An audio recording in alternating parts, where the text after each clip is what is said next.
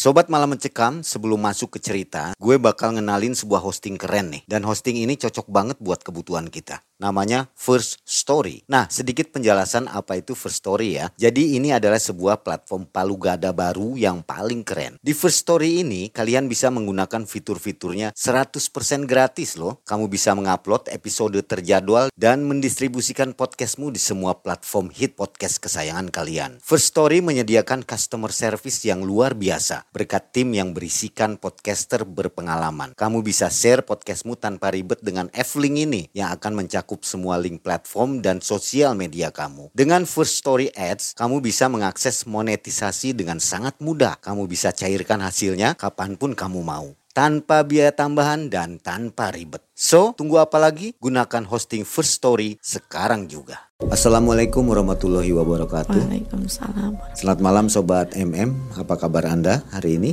Senang sekali Mang Ei dan tim kembali menjumpai Anda untuk mengantarkan kisah nyata dari seseorang tentunya. Teh Siti hari ini akan berkisah tentang kisah nyatanya ketika selesai kasusnya dengan Pak Haji Anu. Nah, videonya di atas ya. Nah, lanjut ke kisah yang ini. Teh Siti ingin pergi istilahnya menetralkan diri ya, Ya, membersihkan diri. ke daerah Pamijahan, Pamijahan Tasikmalaya. ke daerah Pamijahan untuk bersilaturahmi gitu. Nah, di perjalanan nih Teh Siti ternyata malah masuk ke dunia lain, dunia gaib. Ya. Malah banyak penawaran-penawaran untuk kekayaan dan segala rupanya lah oleh goib-goib di situ. Teh Siti gimana perasaannya waktu apa namanya nyasar ke dunia lain tuh? Waktu perasaan Teh Siti pas waktu ada di lokasi itu tuh kayak gak ada jalan lagi selain wah udah ini bakal buntu terus eh, mati pasti di situ karena emang gak ada satu orang pun yang bisa ngebantuin kita di situ cuman berdua sama suami dan kita tuh bener-bener di namanya yang hutan gak ada penghuni dan di ujung jalan eh, apa jalan yang apa itu jurang gitu jadi kalau misalkan mustahil mustahil kita bisa selamat kalau misalkan nggak ada pertolongan dari Allah waktu saat itu Luar biasa ya, jadi menyeramkan. Nggak ada orang lain ya, sepi. nggak ada manusia nggak ada penduduk di situ bener-bener kita berdua aja Baik, Teh Siti kesibukan apa nih? biasa sekarang tambah lagi punya apa ya namanya mainan mainan anak kecil Momongan. punya momongan sekarang Berapa bulan? sekarang udah mau jalan tiga bulan Mengi udah tiga bulan Alhamdulillah, ya Alhamdulillah, mudah-mudahan jadi anak yang soleh ya Teh. amin amin amin Baik, kita akan dengarkan kisah Teh Siti yang akan memberikan tambahan informasi kita tentang seputar dunia gaib. Mangga Teh Siti kisahnya.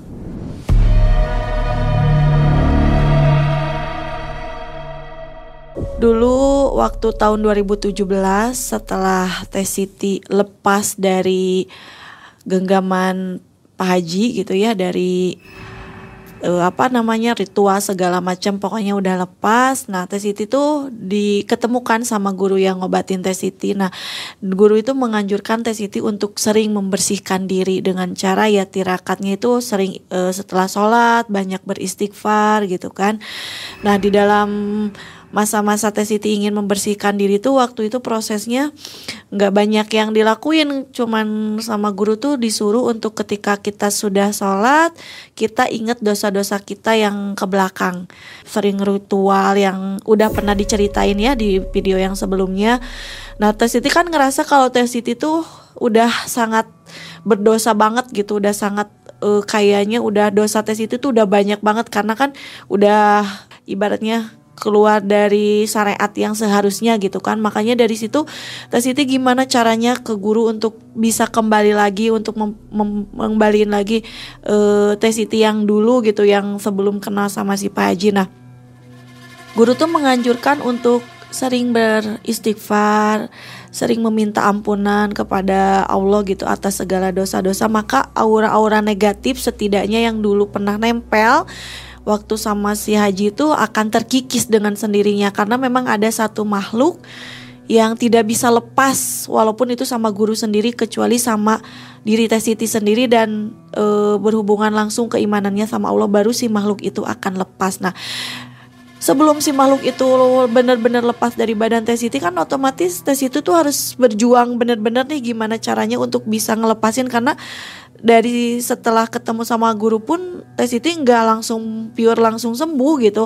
Tetap masih suka kerasukan cuman frekuensinya nggak seperti waktu sama si Haji gitu kan Cuman ketika jadi gu, uh, sering nelfon guru tuh untuk terus terus terus beristighfar karena memang ada satu makhluk itu yang memang belum bisa lepas yaitu yang dikawinkan dengan Tesiti itu gitu.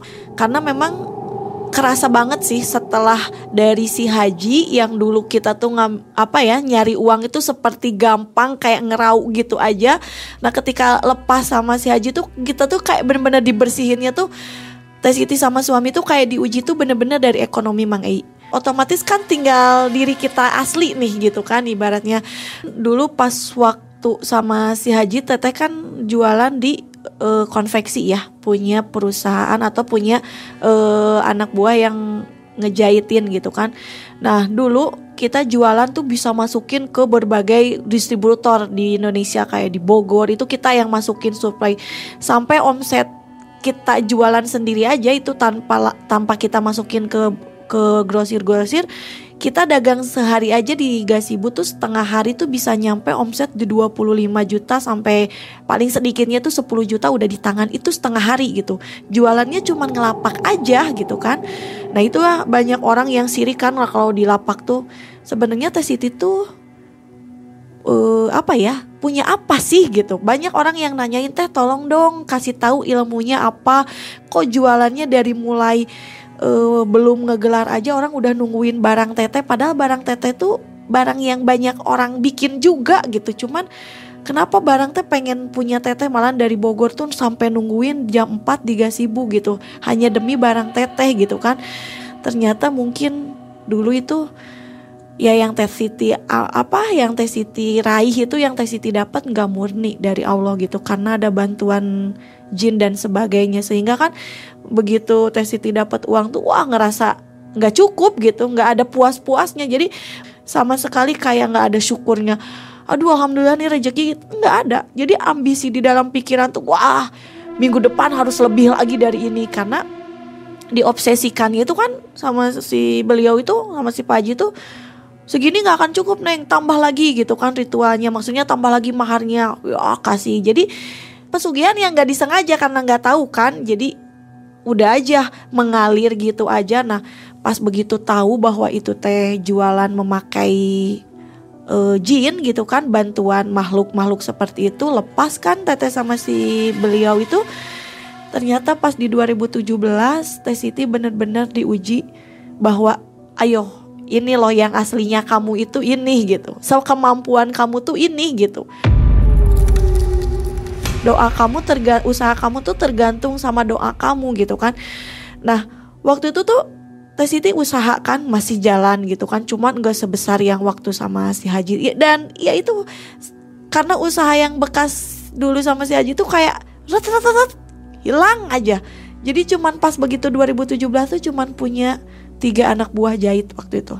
Dari yang sebelumnya 20 anak buah 20 orang gitu ya pekerja di rumah tuh. Tinggal tiga yang tersisa. Nah dari situ tuh bikin ini gak jalan. Bikin baju tidur gak laku. Jadi orang tuh ngelihat baju kita tuh kayak biasa gitu. Ah ini biasa orang di konveksi lain juga ada. Nah kalau dulu tuh beda. Walaupun baju kita sama gambarnya gitu, tapi orang tuh kayak berebut gitu pengen barang Tesiti. Nah itu uh, apa sih namanya uh, perbedaannya. Itu penglaris itu pernah ngalamin yang namanya laku di Gasibu itu cuman ngelarisin 200 ribu. Dari yang biasanya omset puluhan juta itu turun. Puluhan juta, belasan. Itu masih sama si Haji ya. Tapi mungkin udah rada luntur gitu. Pas terakhir terakhirnya pas udah bersih tuh ada sampai satu juta setengah, dua juta. La, lajim aja orang lapak gitu. Nah ini usaha yang asli gitu kan sampai pas waktu bener-bener Teh Siti pengen dibersihin kan niatnya pengen bersihkan segalanya gitu.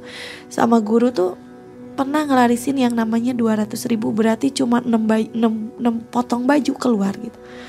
Dari situ Teh Siti sama Atu ya sama suami tuh nangis gitu. Ya Allah ternyata kalau kita usaha sendiri tuh cuman alhamdulillah gitu dapat 200 ribu tuh udah bersyukur. Omset gitu omset belum belum dipotong sama pengeluaran lah gitu. Kita paling bawa uang ke rumah juga 60 ribu eh, tujuh puluh ribu paling banyak. Karena kan di jalan bayar ini bayar itu. Tapi itu nikmat gitu walaupun memang susah kalau dibandingin sama yang dulu tuh wah beda lah gitu ya.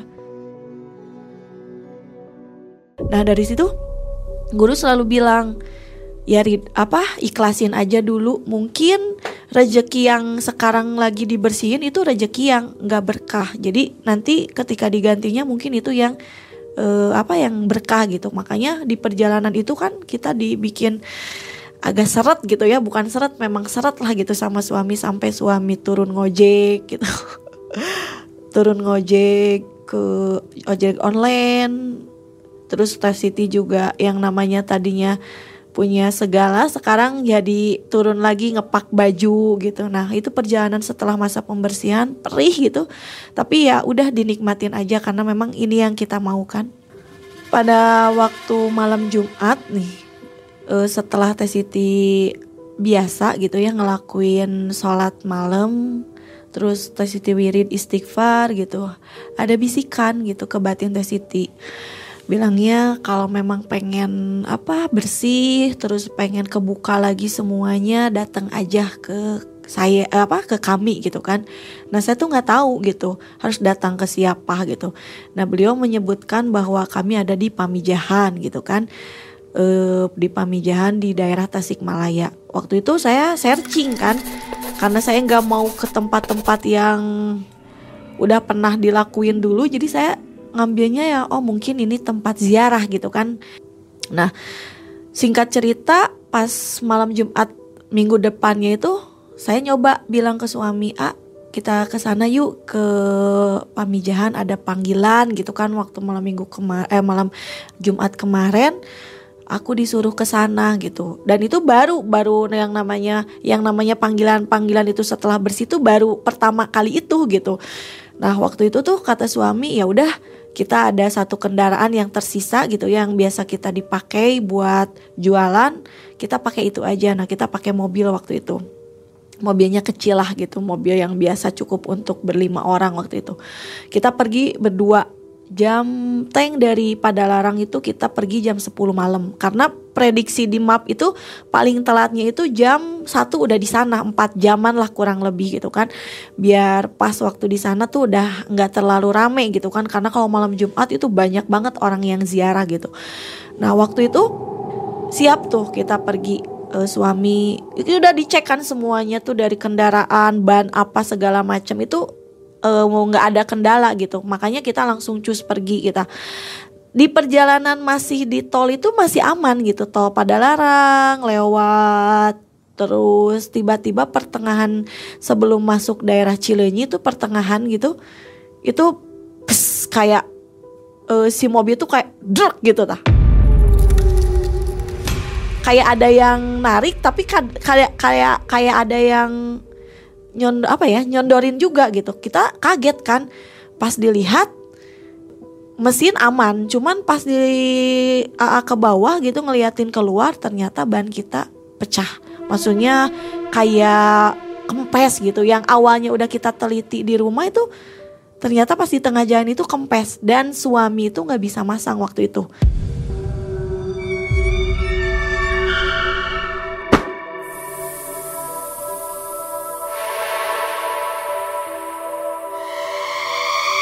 nunggulah kita di tol itu sampai ada orang yang biasanya kan ada patroli tuh di tol itu. Nah, kita nungguin hampir setengah jam kita nungguin jam 11 baru ada yang patroli lewat. Kenapa Bu ditanya kan biasa. Iya Pak saya mau pergi ke daerah Tasik cuman ban saya kempes suami saya belum paham untuk masangin ban. Dibantulah sama petugas waktu itu.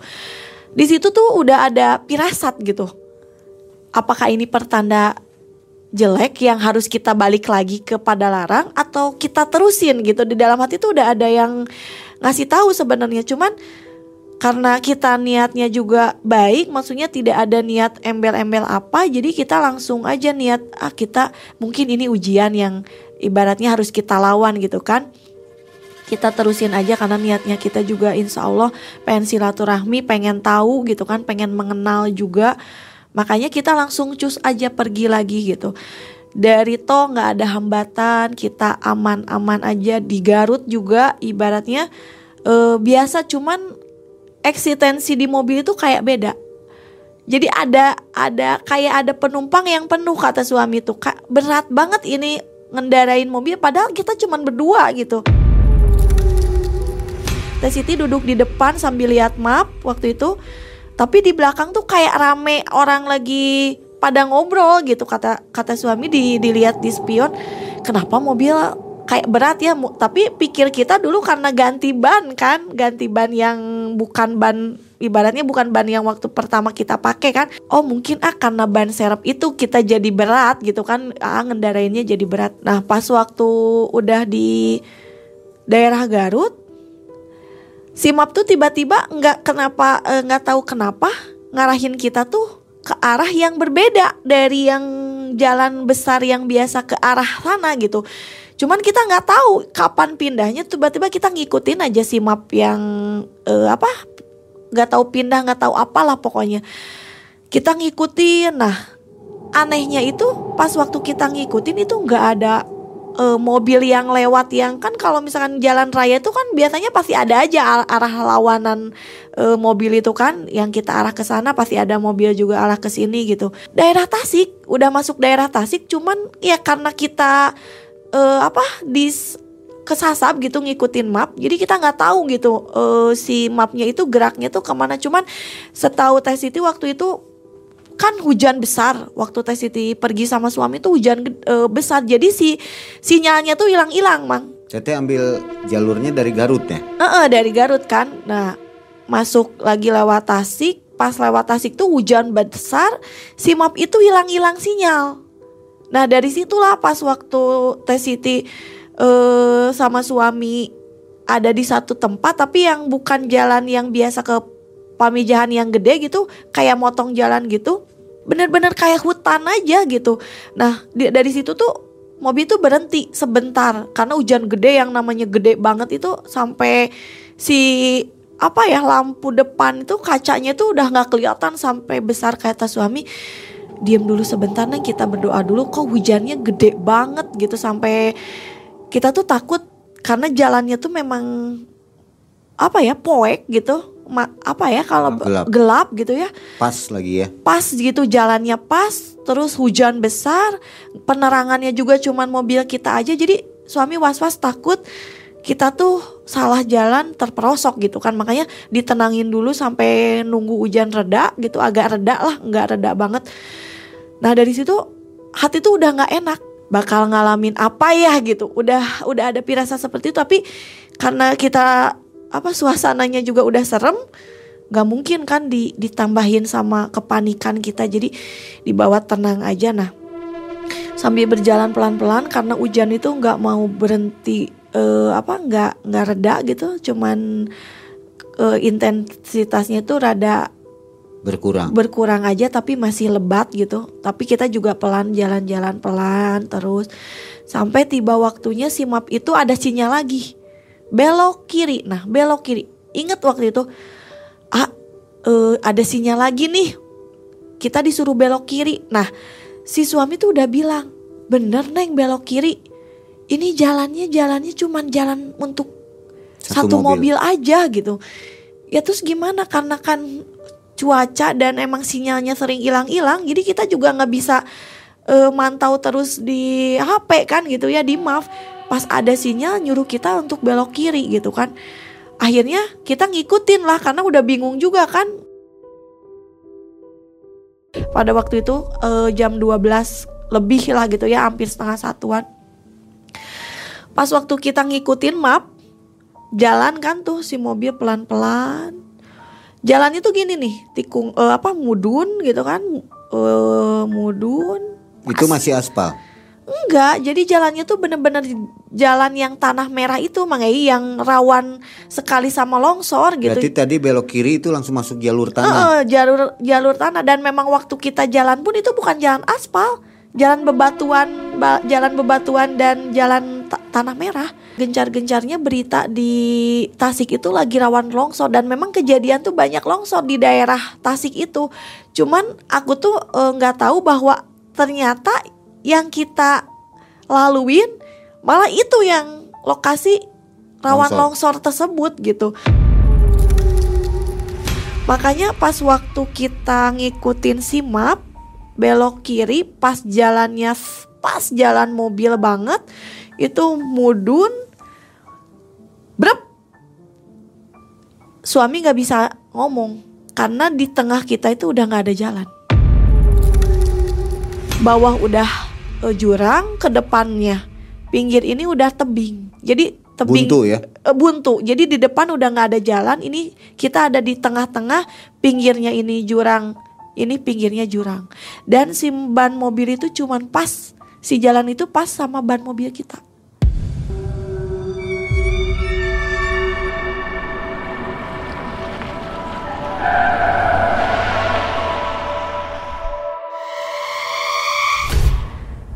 panik hujan disuruh turun sama suami karena mau gimana lagi? Harus ada yang ngecek pada waktu itu kan? Itu posisi jam berapa? Jam satu. Wa, uh, neng turun. Lihat lokasi yang bisa kita putar balik. Takut dong karena di situ tuh Mangai yang Teh Siti lihat banyak banget sosok-sosok makhluk astral yang ada di tempat kayak ngerubunin mobil kita. Teh Siti ngeliat ada sosok genderwo buta ijo siluman kera. Itu tuh mereka tuh kayak ngeliatin bener-bener ke kita gitu. Ya yang namanya kuntilanak sama pocong mah udah udah asing lah gitu ya. Cuman yang bikin Teh Siti nggak mau turun di mobil itu yaitu sosok yang buta hijau yang emang jarang banget gitu Teh Siti lihat. Pada waktu itu teh ngeliat gitu.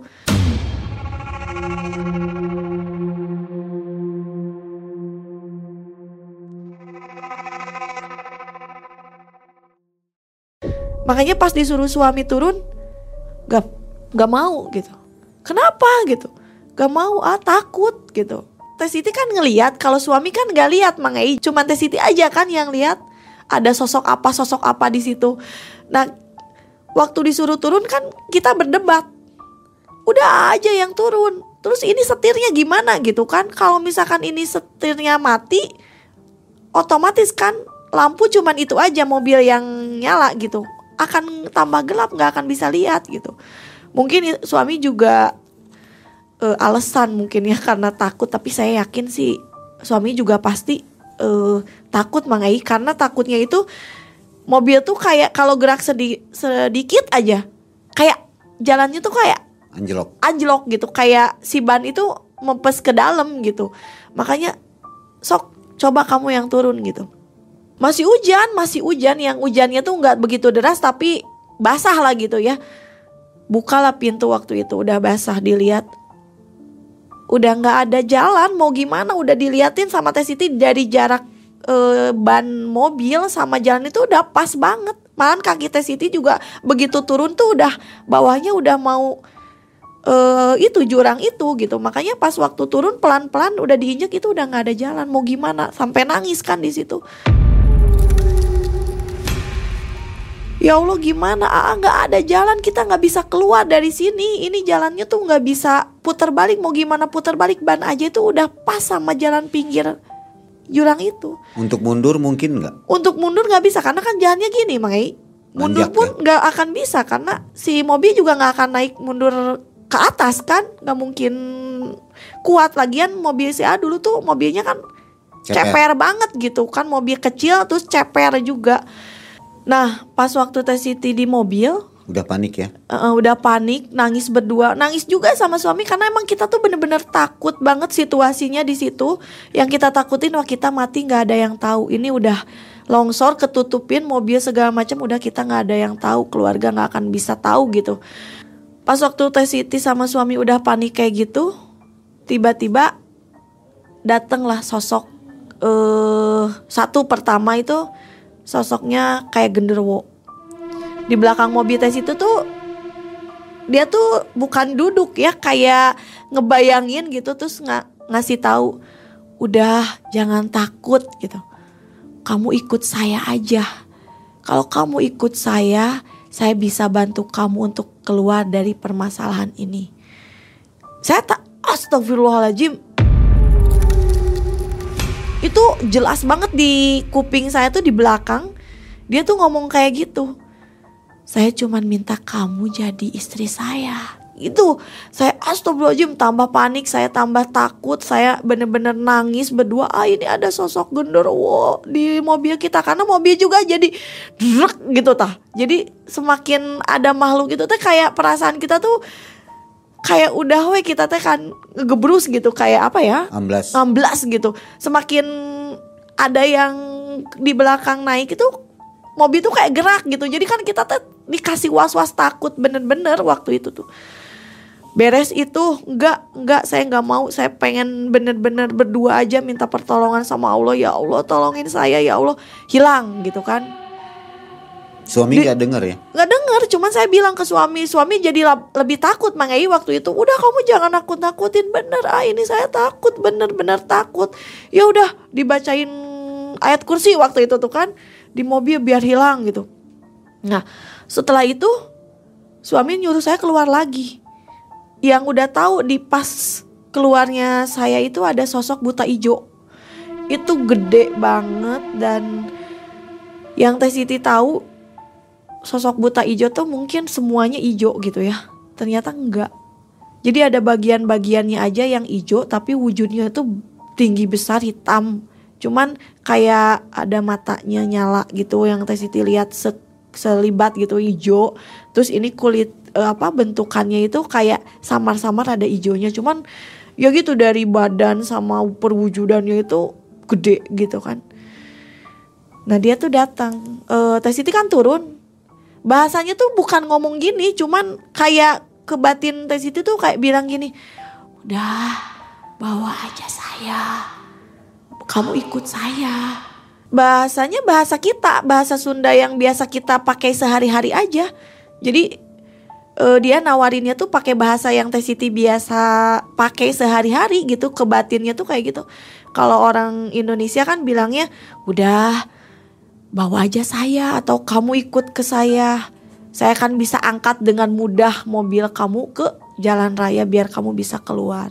Terus saya juga bisa gampang berikan kamu kekayaan, kamu nggak usah repot-repot katanya gitu.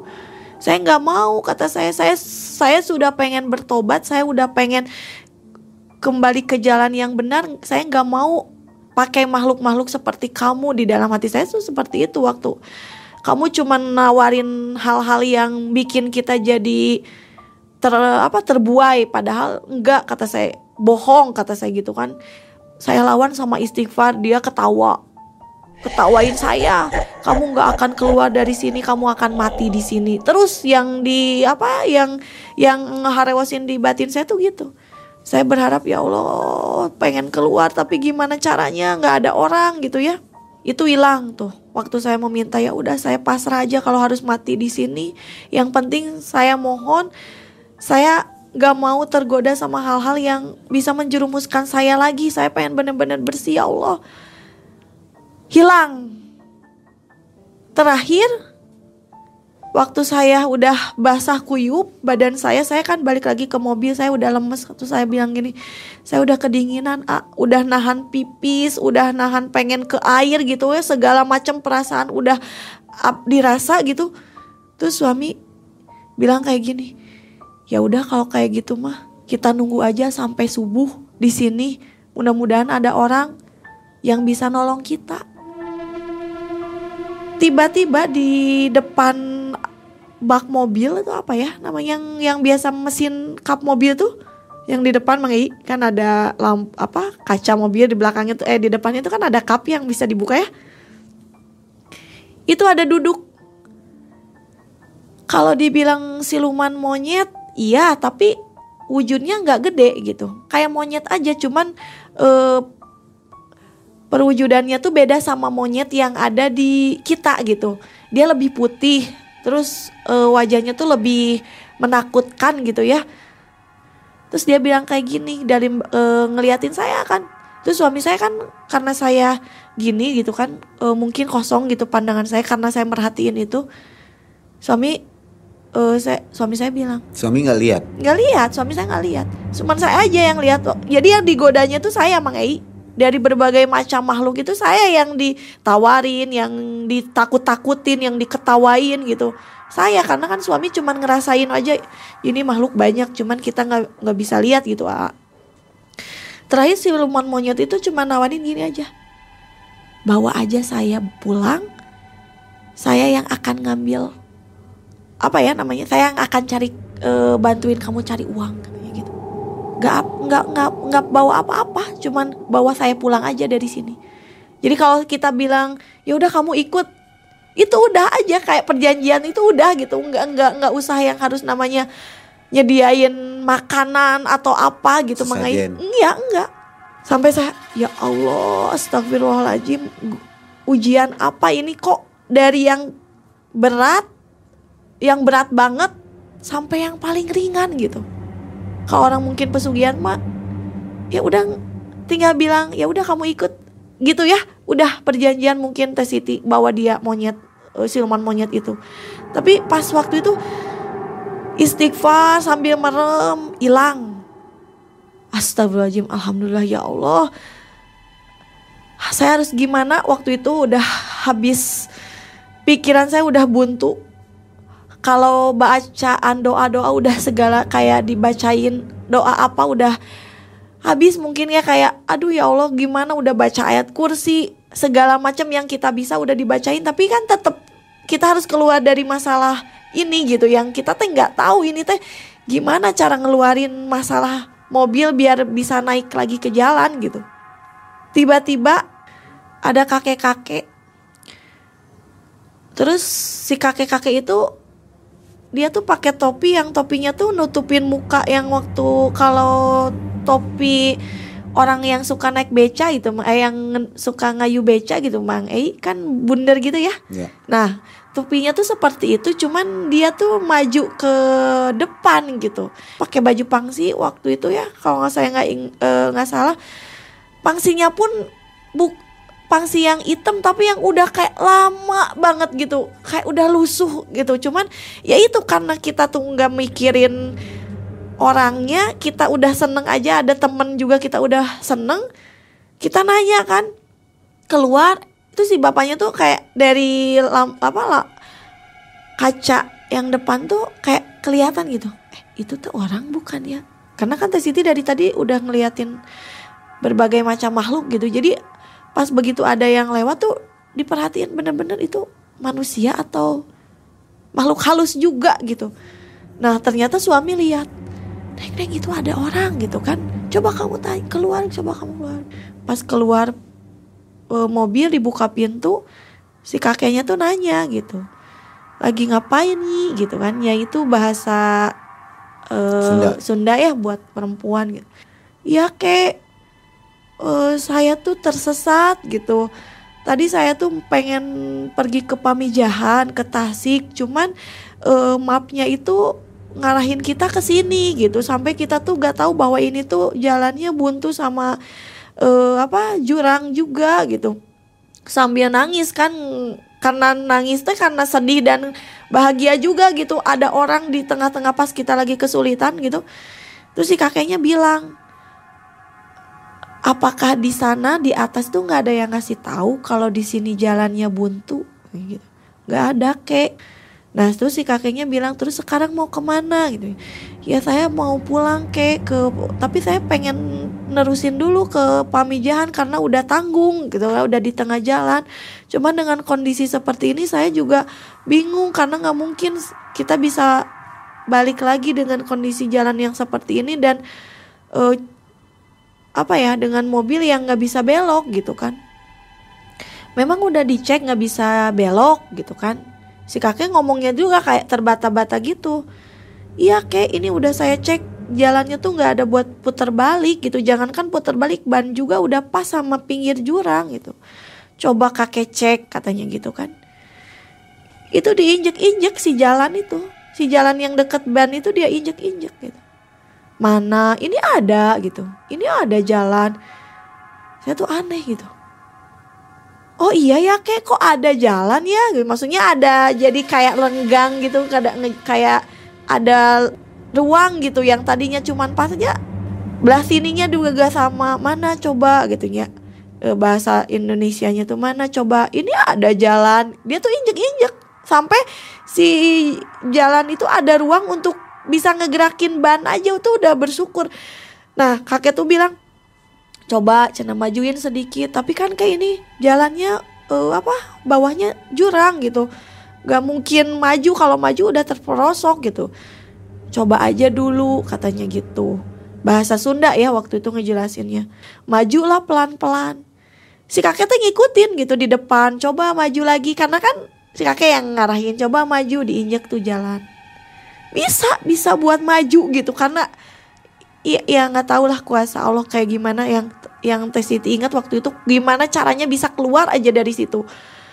Sampai akhirnya si ban itu bisa digerakin sedikit dari belakang truk truk truk.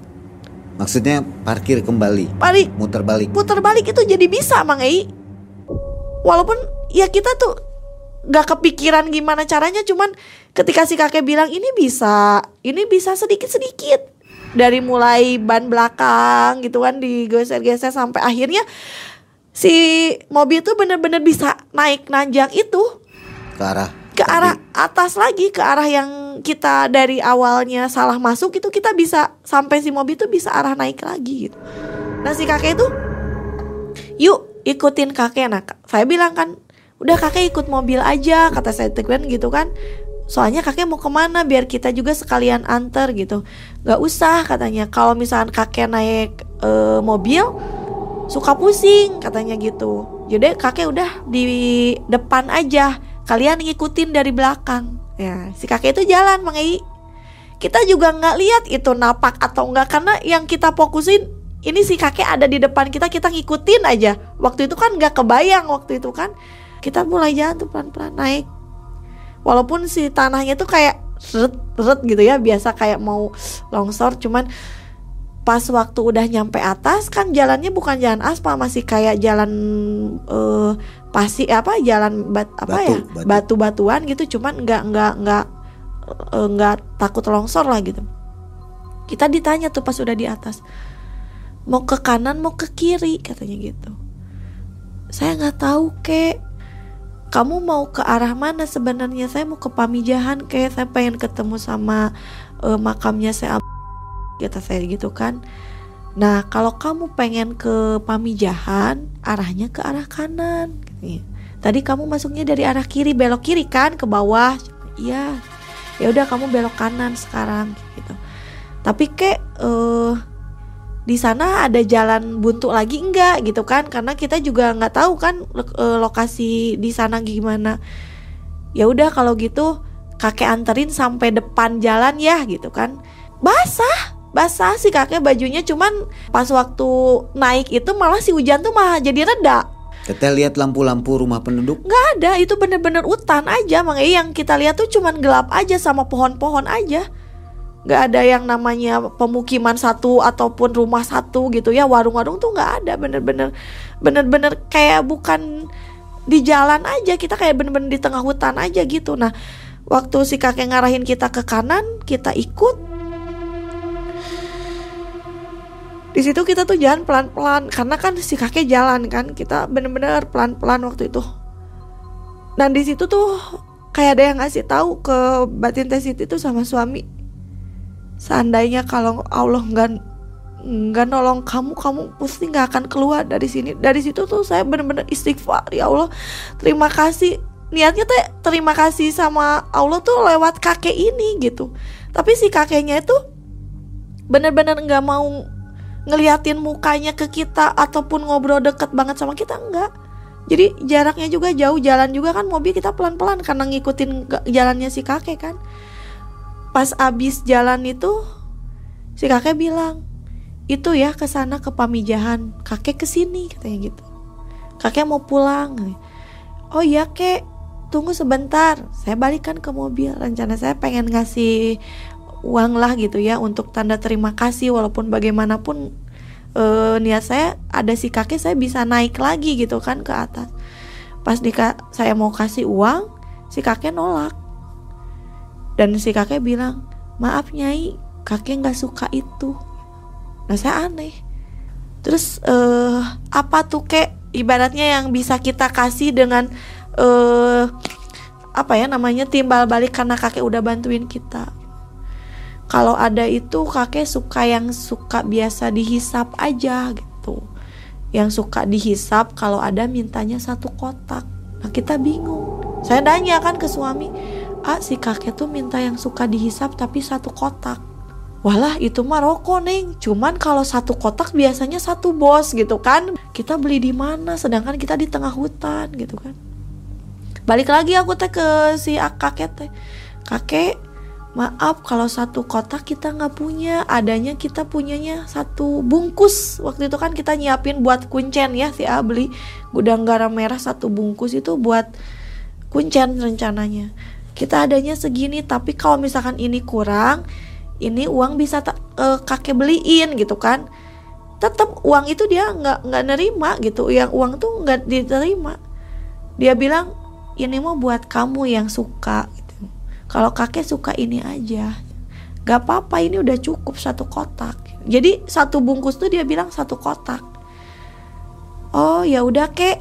Kalau gitu terima kasih. Saya sampai terima kasihnya juga bener-bener yang bener. Terus-terus terima kasih.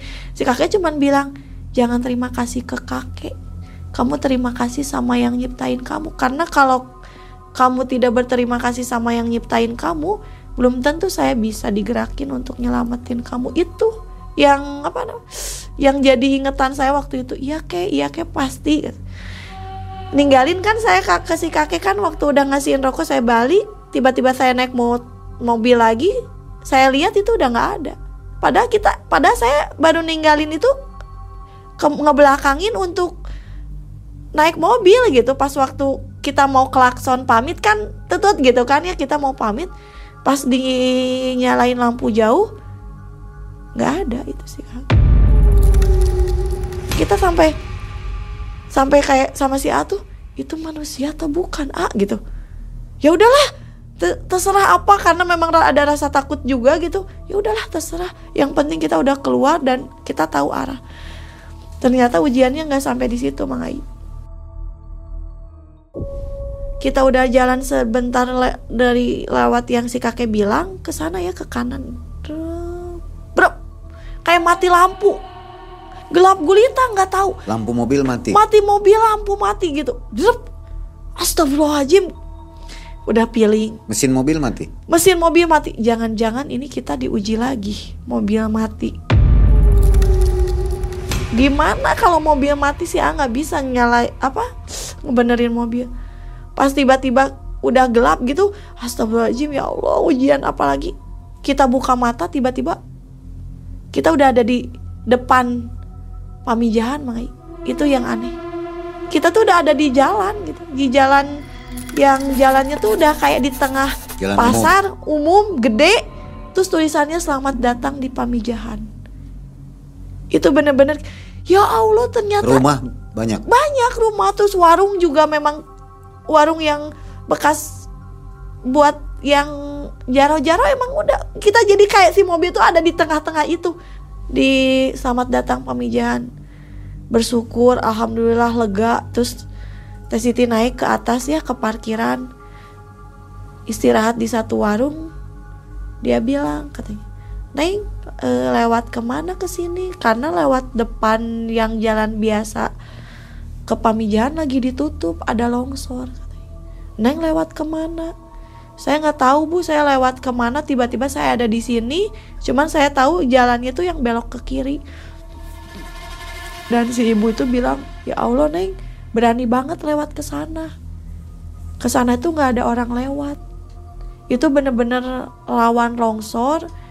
Terus begal juga masih banyak di sana tapi jarang banget ada orang ke sana jalan sana. Neng kok bisa lewat ke sana gitu?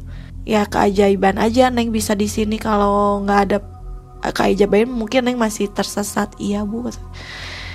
Tibalah waktunya jam setengah tiga mau ke jam tiga tanya kalau pas nyampe tuh. Setengah empat istirahat sebentar disuruh ke sana ke makam.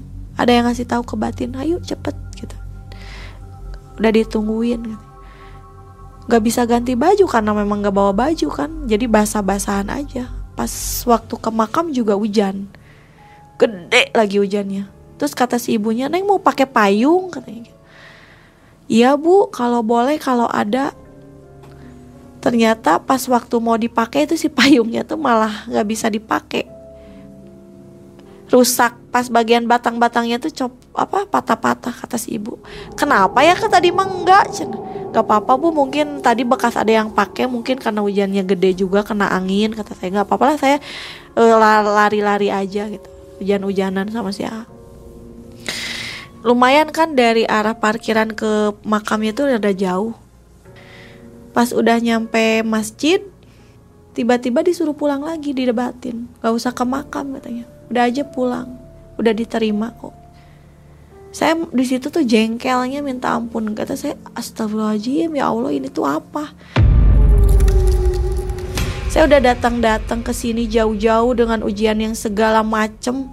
Terus ketika saya pengen ke makam pengen silaturahmi tiba-tiba saya disuruh pulang. Dan nggak ditemuin gitu dengan sosok siapa yang nyuruh saya ke sini. Terus ya itulah manusiawi gitu kan kesel. Terus saya, saya bilang ke suami ah kita disuruh pulang nggak usah ke makam. Eh suami marah kan. Lo kita ngapain ke sini kalau misalnya kita nggak di maksudnya berdoa di makam beliau? Gitu kan. Iya saya nggak tahu, cuman kita harus udah sampai di masjid aja gitu, ngedoanya di sini aja nggak usah ke makam. Ya udah kalau kayak gitu, basa-basa kayak gini, ah mau pinjam dulu apa sarung gitu kan, Sugan ada yang uh, jualan baju juga mau beli baju dulu karena nggak mungkin baju kayak gini gitu.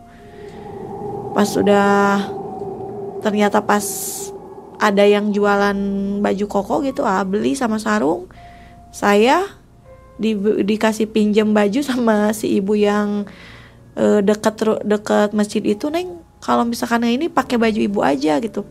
Gak apa-apa bu saya mau cari beli. Nggak ada kalau baju perempuan di sini katanya gitu.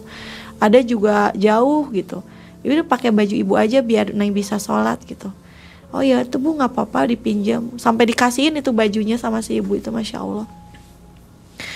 Dipakein baju tetes sholat bersama-sama saat terus ngedoa di situ Ya Allah diterima ini semua ujian. Saya bersyukur bisa nyampe ke sini juga gitu. Nggak apa-apa lah saya nggak disuruh ke nggak nggak ke makam juga gitu. Tiba-tiba ke batin saya ada yang bilang Kat, eh, kata siapa nggak ditemuin? Kayak gitu. Bukannya tadi kita bareng-bareng kamu lagi kesusahan kamu nggak bisa belok mobil kan saya nemuin kamu. Dari situ astagfirullahaladzim mungkin kakek-kakek yang bersama saya waktu saya lagi kesusahan, waktu saya lagi bener-bener nggak ada yang bisa nolongin, Allah nolongin beliau, Allah ngegerakin beliau. Nah dari situ saya nangis bener-bener ya Allah terima kasih. Udah aja nggak ke makam gitu. Jam 5 kita pulang. Nggak nginep dulu? Nggak, nggak langsung pulang Mai. Di situ langsung pulang. Di situ langsung ada yang ngasih tahu pesannya ke saya kalau kamu ke mana-mana mau ke tempat yang ibaratnya disebut sakral ataupun tempatnya disebut tempat yang bersih suci apa pun tetap niat yang diutamain itu jangan karena satu dan lain hal selain kita ingin satu ingin memperkuat keimanan keduanya ingin bersilaturahmi udah itu aja. Jadi pesannya itu cuman itu. Jadi dari situ saya tahu gitu ke mana pun yang kita datengin yang dia yang diniatin dulu hati itu harus bersih dulu. Jangan sampai ada imbal-imbal keduniaan apalagi ibaratnya kita berharap sesuatu setelah dari situ kita akan gini setelah gitu. Nah itu yang jadi salahnya itu di situ makanya. Gitu? Mm -mm. akhirnya sampai di Bandung dengan selamat ya? Alhamdulillah sampai selamat. Setelah kejadian itu bagaimana efek terhadap ekonomi dan usaha teh? Kalau dari usaha itu mm, belum begitu melejit, cuman ada sedikit tapi lebih baik. Lebih baik, Mangai. Jadi yang yang yang dirasa sama Teh Siti kayak si A ngegrab ada rezeki kita syukurin terus ada orderan sedikit kita jalanin kita syukurin dari situ terus sedikit sedikit ya alhamdulillah sampai sa- sampai sekarang masih berjalan walaupun cuman mm, eh, apa ya namanya bisa nyambung hidup gitu Jadi keberkahannya ada ya. Iya Dari kisah ini kita bisa ambil kesimpulan bahwa kita jika berziarah harus dengan niat yang benar ya. Teh? betul makanya. Bukan meminta kepada makhluk atau Iya. tempat itu. Mm-mm. Begitu kira-kira. Teh. Kisah yang menarik dan sangat menginspirasi untuk kita semua ini. Jangan lupa untuk menambah keimanan kita ya. Jadi keimanan kita harus tambah tebal dengan mendengarkan kisah dari Teh Siti karena goib itu ada ya Teh ya. Betul betul makanya goib itu ada dan untuk orang yang dikasih kelebihan itu udah insya Allah nggak akan eh, apa ya nggak akan ragu gitu karena Iya. memang jelas nyata dan dirasain gitu Berdampingan ya. berdampingan. Oke, sobat MM jangan lupa untuk menyaksikan video sebelumnya dari Teh Siti supaya nyambung dengan video yang ini ya. Terima kasih atas kisahnya Teh Siti. Sama-sama Mang Ai. Akhirnya Mang Ei dan tim undur diri. Assalamualaikum warahmatullahi wabarakatuh. Waalaikumsalam warahmatullahi wabarakatuh.